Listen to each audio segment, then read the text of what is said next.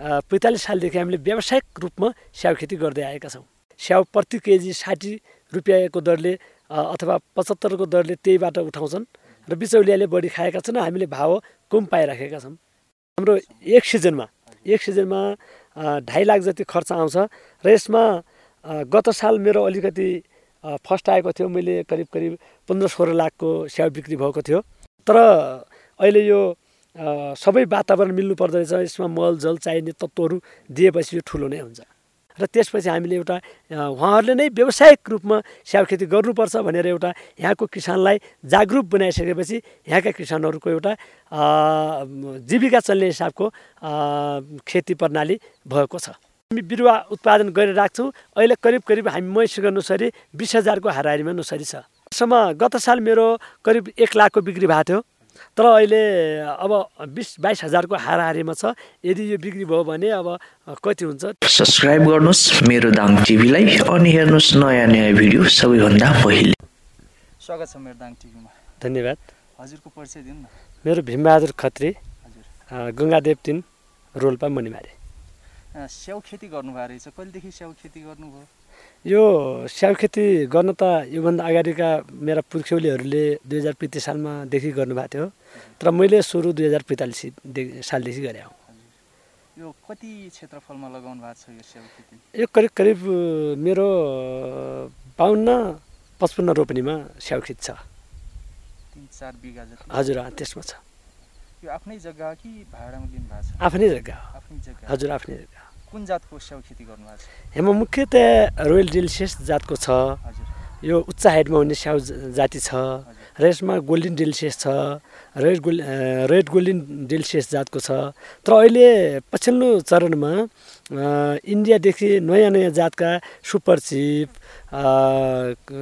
टाइटम्यान त्यहाँदेखि लिएर वास जातका यिनी जातहरूले नयाँ भेराइटीमा आएका छन्। अहिले कुन एउटै जात लगाउनु भएको छ तपाईँले? अहिले हामीसँग मुख्यतया रोयल डेलिसियस र गोल्डन डेलिसियस जातको स्याउ छ। र अहिले नयाँ जातिमा अहिले विश्व बजारमा चलेको फुजी र गेला गाला भन्ने जातको हामीले नयाँ बिरुवा लगाएका छौँ। त्यसमा के फरक हुन्छ यो स्याउहरूमा यसमा के हुन्छ भन्दाखेरि हाम्रो अहिले बजारमा कम्पिटिसनको बजार हुन्छ।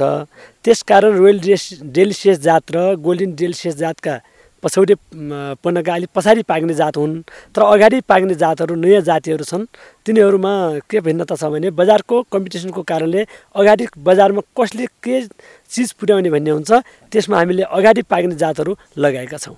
यो तपाईँले लगाउनु भएको दुईवटा जात कति समयमा फल्छ कति समयमा पाक्छ यो फलिसकेपछि? यो हाम्रो लगाएदेखि चार वर्षको बिचबाट यसले फल्दिन सुरु गर्छ। र यो जवानी अवस्थामा तपाईँको करिब करिब बाह्र पन्ध्र वर्षदेखि यसले जवानी अवस्था ल्याएर फल्न सुरु गर्छ। र यो हाम्रो यो हाइटमा भदौदेखि टिप्न सुरु गर्नुपर्छ। भदौको पहिला हप्तादेखि टिप्न सुरु गरेपछि असोजको पहिला हप्तासम्म हुनुपर्नेमा बजारको कम्पिटिसनको कारणले अथवा इन्डियाबाट आउँछ अथवा चाइनाबाट आउँछ भनाइको कारणले हामीले काँचै फल टिप्न बाध्य भएका छौँ। बाहिरको बजारले गर्दा तपाईँहरूले काँचो नै टिप्नुपर्ने अवस्था छ। हजुर काँचो नै टिप्नुपर्ने अवस्था छ। यो चाहिँ कति हाइटमा लगाउनु भएको छ यो रुखहरू कति हाइटमा हुने जातहरू हो यो स्याउ? हाम्रो दुई हजारदेखि तिन हजारको हाइटमा हुन्छ। हाम्रो यहाँको जुन यो स्याउ लगाएको हाइट तेइस सय चौहत्तर समुद्र सतहदेखि तेइस सय चौहत्तर हाइटमा रहेको छ। यो आफ्नै जग्गा भन्नुभयो। पहिलेदेखि आफ्नै जग्गा हो कि पछि लिजमा लिएर आफ्नो बनाउनु भएको पहिला हाम्रो बाउहरूले अरूहरूसँग खरिद्नु भएछ। उहाँहरूसँगै किनेर लग्नु भयो अरे। यो पुस्तैदेखि स्याउ खेती गर्दै आउनु भएको छ। हजुर मेरो पुर्ख्यौलीदेखि मेरो बुवाहरूले पनि स्याउ खेती गर्दै आउनुभएको र हामीले पहिला बुवाहरूले थोरै सानो स्केलमा स्याउ खेती गर्नुभएको थियो तर अहिले अहिले हामीले बयालिस सालदेखि पैँतालिस सालदेखि हामीले व्यावसायिक रूपमा स्याउ खेती गर्दै आएका छौँ। पहिले चाहिँ त्यत्तिकै लगाउनु भयो। हजुर। त्यसपछि व्यावसायिक चाहिँ अब तपाईँले चाहिँ गर्नुभएको छ। हजुर हामी सबैले अहिले व्यावसायिक रूपमा स्याउ खेती फस्टाएका छौँ। वार्षिक कतिको कारोबार गर्नुहुन्छ? स्याउ कस्तो छ बजारको अवस्था अहिले स्याउ? बजारमा अहिले खासै हाम्रो बिचौलियाहरूले यहाँदेखि लिनुहुन्छ स्थानीय ठेकादारहरू र बाहिरको अब अन्य त ठेकादारले के के गर्नुहुन्छ अब त्यो बजारको कुरा हामीलाई ठ्याक्कै थाहा हुँदैन। तर अहिले हाम्रो बजार त्यति मजबुत र राम्रा छैनन्। यो बिचौलियाको बजार छ र वास्तविक किसानको बजार छैन। त्यसकारण हामीहरूले यहाँ सत्तर पचहत्तर साठीदेखि सुरु भएर स्याउ प्रति केजी साठी रुपियाँको दरले अथवा पचहत्तरको दरले त्यहीबाट उठाउँछन् र बिचौलियाले बढी खाएका छन्। हामीले भाव कम पाइराखेका छौँ। तपाईँले अब यस्तो तिन चार बिघामा खेती गर्नुभएको छ। तपाईँले नै बजार पठाउन सक्नुहुन्न स्याउहरू हाम्रो बजारमा हाम्रो त्यस्तो मार्केट हाम्रो नेपाल सरकारले कुनै मार्केटको व्यवस्था भएको छैन। अब त्यो मार्केटको इन्डियामा प्रत्येक एउटा फोन कन्ट्याक्टबाट नै उनको मार्केटिङ हुन्छ। त्यो मार्केटिङमा उनीहरूको स्याउ ट्रकको हिसाबले आएर उतार्छन्। तर हाम्रो त्यस्तो मार्केटिङ छैन। हाम्रो यो बिचौलियाकै भरमा जान्छ। खासै हाम्रो मार्केट नभएका कारणले हामीहरू त्यस्तो गर्न सक्दैनौँ। यहाँ घरबाट कति बेच्नुहुन्छ कि बेच्नुहुन्न? यहाँबाट बिक्री हुन्छ। त्यही स्थानीय अब हाम्रै जिल्लाको सेरोफेरो या हाम्रै प्रदेशको सेरोफेरो हल्का वरिपरिको गाउँ छिमेकहरूले लग्नुहुन्छ र बाँकी ठेगादारकै मार्फत जान्छ यहाँबाट। कतिमा यहाँ घरमा आइसकेपछि किन्नलाई कतिमा बेच्नुहुन्छ? त्यसपछि बजारमा कतिमा पठाउनुहुन्छ? एउटै रेसियो छ। घरमा आउनेहरूलाई पनि त्यो एक दुई रुपियाँ सस्तो पर्न जान्छ हल्का किनभने हामी जस्तै साठी रुपियाँमा बेच्यौँ भने अन्ठाउन्नमा उन्सट्ठीमा दिन सक्छौँ तर ठेकेदारहरूलाई जाँदाखेरि त्यही साठी सत्तरको रेसियोमा जान्छ। एक वर्षमा कति नाफा आर्जन गर्नुहुन्छ? कति खर्च हुन्छ यो स्याउ खेती गर्दा? अहिले मेरो सन्दर्भमा मैले करिब करिब ढाई लाख जति मेरो खर्च आउँछ र वर्षमा हाम्रो एक सिजनमा एक सिजनमा ढाई लाख जति खर्च आउँछ र यसमा गत साल मेरो अलिकति फर्स्ट आएको थियो मैले करिब करिब पन्ध्र सोह्र लाखको स्याउ बिक्री भएको थियो र त्यसमा तिन लाख रुपियाँ जति खर्च भएको थियो। अहिले करिब ढाई लाख जति खर्च भएको छ र अहिले मेरो स्याउ पाँच लाखभन्दा बढी नहोला जस्तो छ।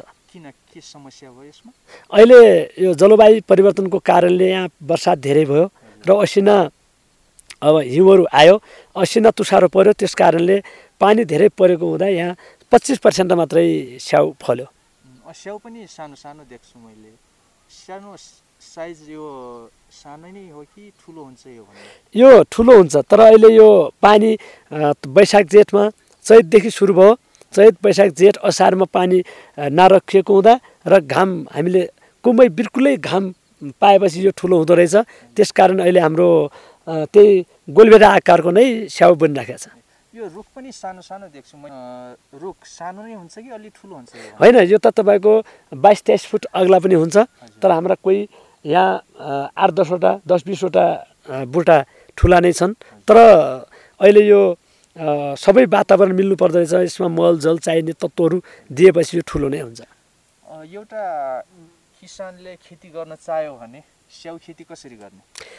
यसमा स्याउ खेती गर्नलाई पहिला बग आफ्नो बगैँचा निर्माण गर्नको निम्ति सुरुमा त हामीलाई जग्गाको आवश्यक पर्यो त्यसैमा पनि हाम्रो हाइटको पहिचान गर्नुपर्छ। कति हाइटदेखि सुरु हुन्छ र कुन हाइटमा के लगाउँदा कुन हाइटमा के खेती गर्दा एउटा हाम्रा विशेषज्ञहरूसँग परामर्श लिनुपर्छ। र विशेषज्ञ भन्दा पनि त्यसको त्यसको प्रजाति त्यो स्याउको प्रजाति छ या छैन भनेर हामीले पनि गर्न सक्छौँ। किनभने मैले एकचोटि तालिम भर्खरै काठमाडौँको राष्ट्रिय फलफुल महाशाखामा डाक्टर शान्ता कार्कीको सुमेतकत्वमा त्यहाँ तालिम भएको थियो। त्यसमा म सहभागी भएको थिएँ। हामी पाँच सातवटा जिल्ला जुम्ला रोल्पा पूर्वी रुकुम बाजुरा बझाङ कालीकोट दैलेखको सबै किसानहरू खेलेका थियौँ। त्यहाँ उहाँले के भन्नुभएको थियो भने स्याउ खेती गर्न गर्नको निम्ति त्यहाँ प्रजाति छ कि छैन? सुन्तलाक हुन हुनको लागि त्यसको प्रजाति हुनुपर्छ अरे ओखर हुनको लागि काठे ओखर हुनु पऱ्यो त्यसको प्रजाति हुनु पऱ्यो स्याउ हुनको निम्ति एउटा एरिमेल भन्ने हुन्छ। त्यो प्रजाति आफै दिन्छ अरे त्यसले। त्यहाँ यदि त्यस्तो प्रजाति भएमा स्याउ खेती हुन्छ भन्ने पुष्टि गर्न सकिन्छ भनेर एउटा विद्वानहरूले भन्नुभएको थियो। त्यसै रूपमा स्याउ खेती गर्दा पहिले सुरुमा त हामीसँग जग्गा हुनु पऱ्यो त्यसमा हाइट हुनु पऱ्यो त्यसपछि एउटा कसरी लगाउँदा ठिक हुन्छ यसको दुरी कति हो?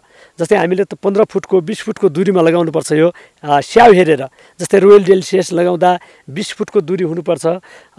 सुपर चिप लगाउँदा तपाईँको चार चार मिटरको दुरी हुनुपर्छ। अब त्यस्तै तरिकाले अब गाला लगाउँदा अब त्यस्तै तरिकाको हुनुपर्छ। अब फुजी जातको स्याउ लगाउँदा विश्व बजारमा चलेको जुन फुजी जा जातको स्याउ लगाउँदा त्यसको पनि त्यस्तै सात आठ मिटरको दुरी गराएर लगाएपछि यो आफ्नो तरिकाले लगाएपछि त्यो ठिक हुन जान्छ। एकपटक सानो बिरुवा लगाइसकेपछि कति वर्षमा यसले फल दिन सु- सुरु गर्छ? यो सुरुमा लगाएदेखि तपाईँको जात हेरेर रोयल जेलसियस जातले तपाईँको चार पाँच वर्षदेखि सुरु गर्छ। एक एक दुई दाना दिन।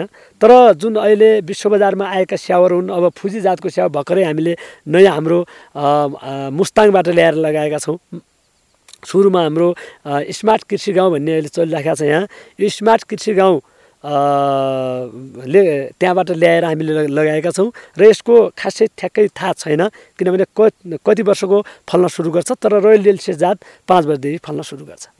यसमा विषादी प्रयोग गर्नु चाहिँ गर्नु न यो स्याउ किरा लाग्ने त्यस्तो केही समस्या हुन्छ कि हुन्न? यसमा समस्या हुन्छ। हामीले किराको लागि तपाईँको यो फलमा किरा लाग्दैन।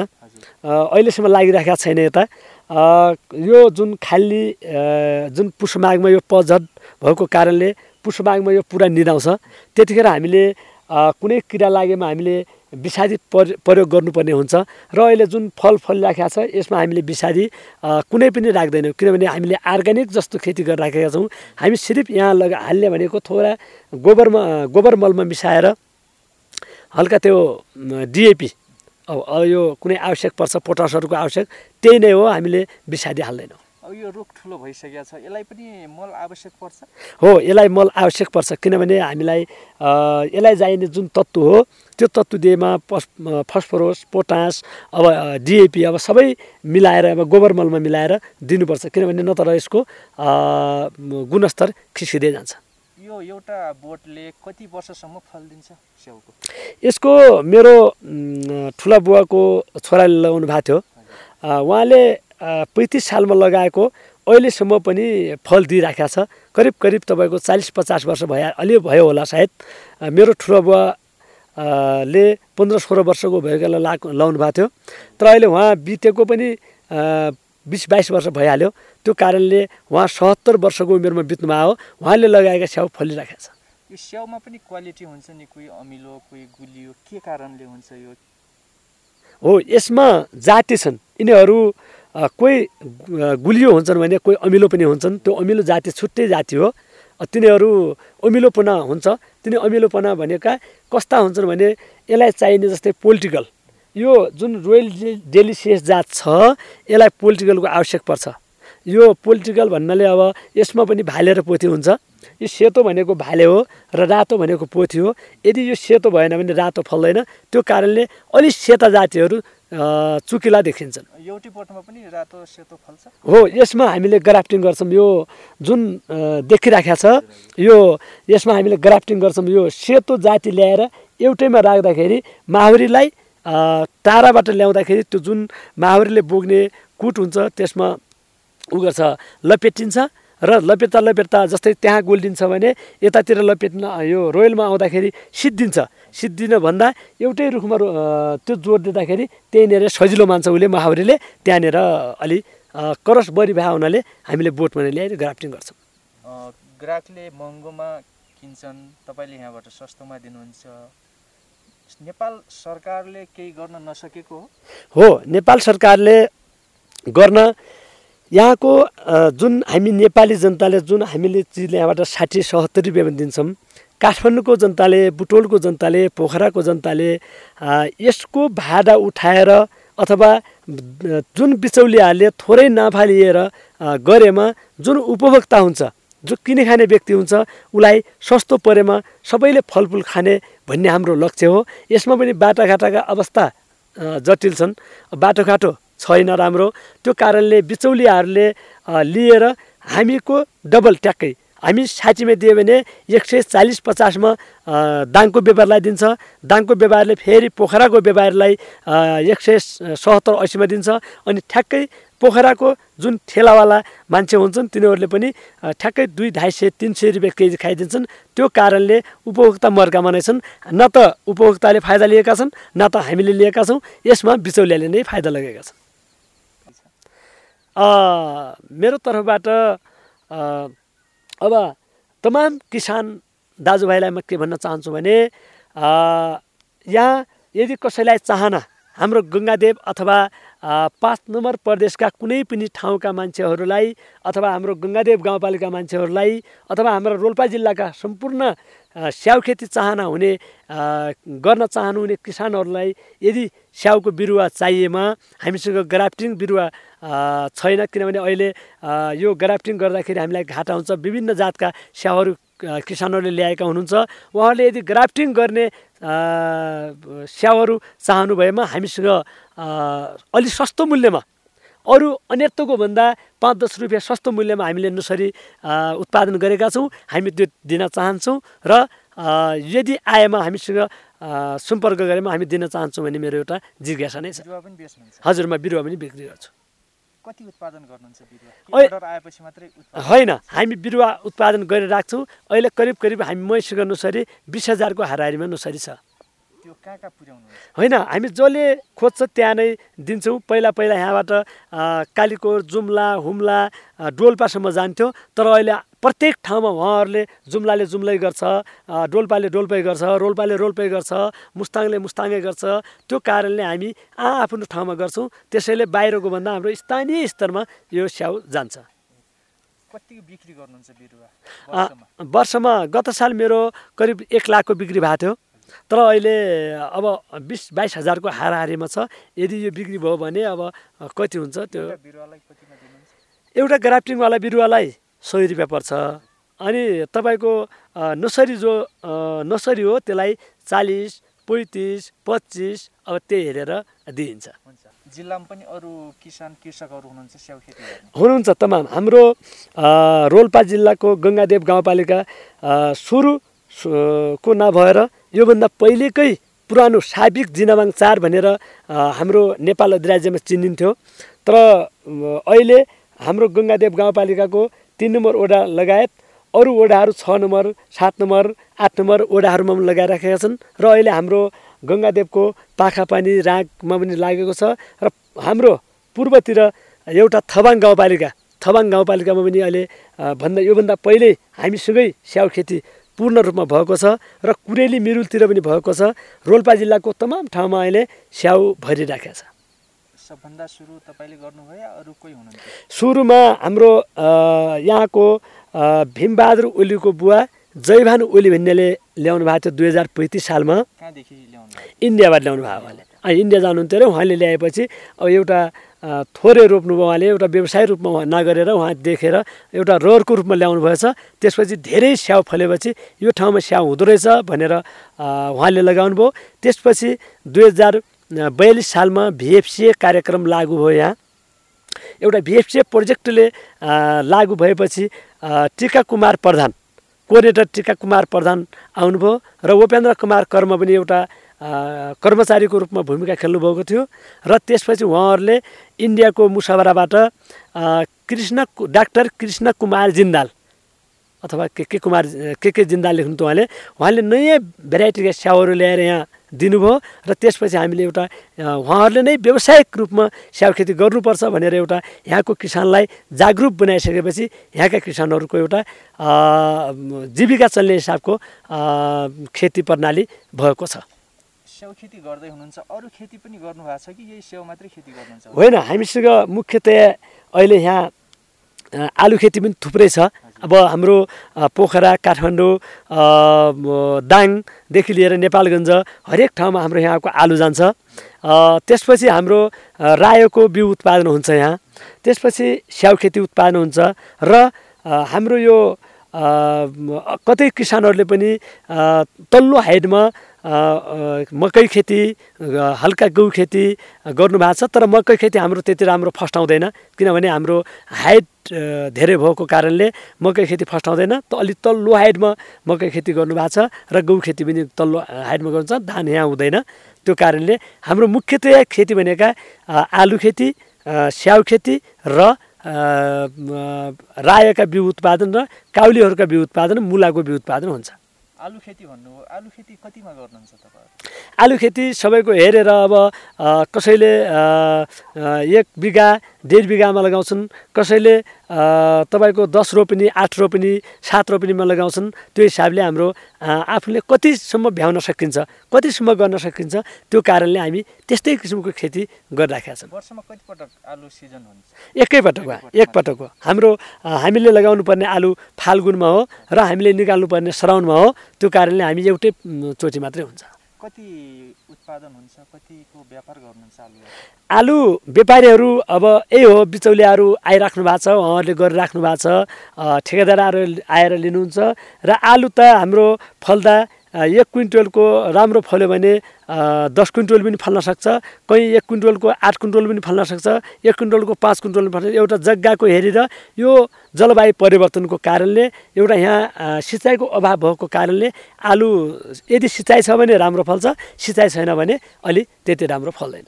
अन्त्यमा एउटा किसानलाई सरकारले के गरिदियोस् भन्ने चाहना छ मेरो तर्फबाट नेपाल सरकारले किसानलाई यदि नेपाली किसानको उद्धार गर्ने हो भने यदि नेपाली किसानलाई उत्थान गर्ने हो भने एउटा किसानका समस्या र मर्का बुझ्ने हो भने नेपाल सरकारले हाम्रा जुन बजार छन् त्यो बजारमा व्यवस्थित बजार बनाइदिनुपर्छ र यही जुन बाटाघाटा छन् यो बर्खे सिजन भएको कारणले यहाँ एउटा ग्राइबेलसम्म कालोपत्तै नगरे पनि ग्राइबेलसम्म गरिदिनुपर्छ भन्ने र साथसाथै किसानलाई हामीले के अरे हामीले पनि कर तिरेका छौँ हामीले पनि नेपाल सरकारमा दर्ता गरेका छौँ। मैले एउटा लभी पर्यटन व्यवसाय स्वीकृति फर्म भनेर एउटा नेपाल सरकारको कानुनमै गएर मैले दर्ता गरेर खेती गरिराखेको छु र मेरो यो फर्म पनि एउटा दर्ता छ र मैले पाना नम्बर पनि मेरो छ र हामीले कर तिर्छौँ त्यसकारण नेपाल सरकारले किसानलाई जुन नेपाल सरकारले ल्याउनु पर्ने राहतका कुरा हुन्छन्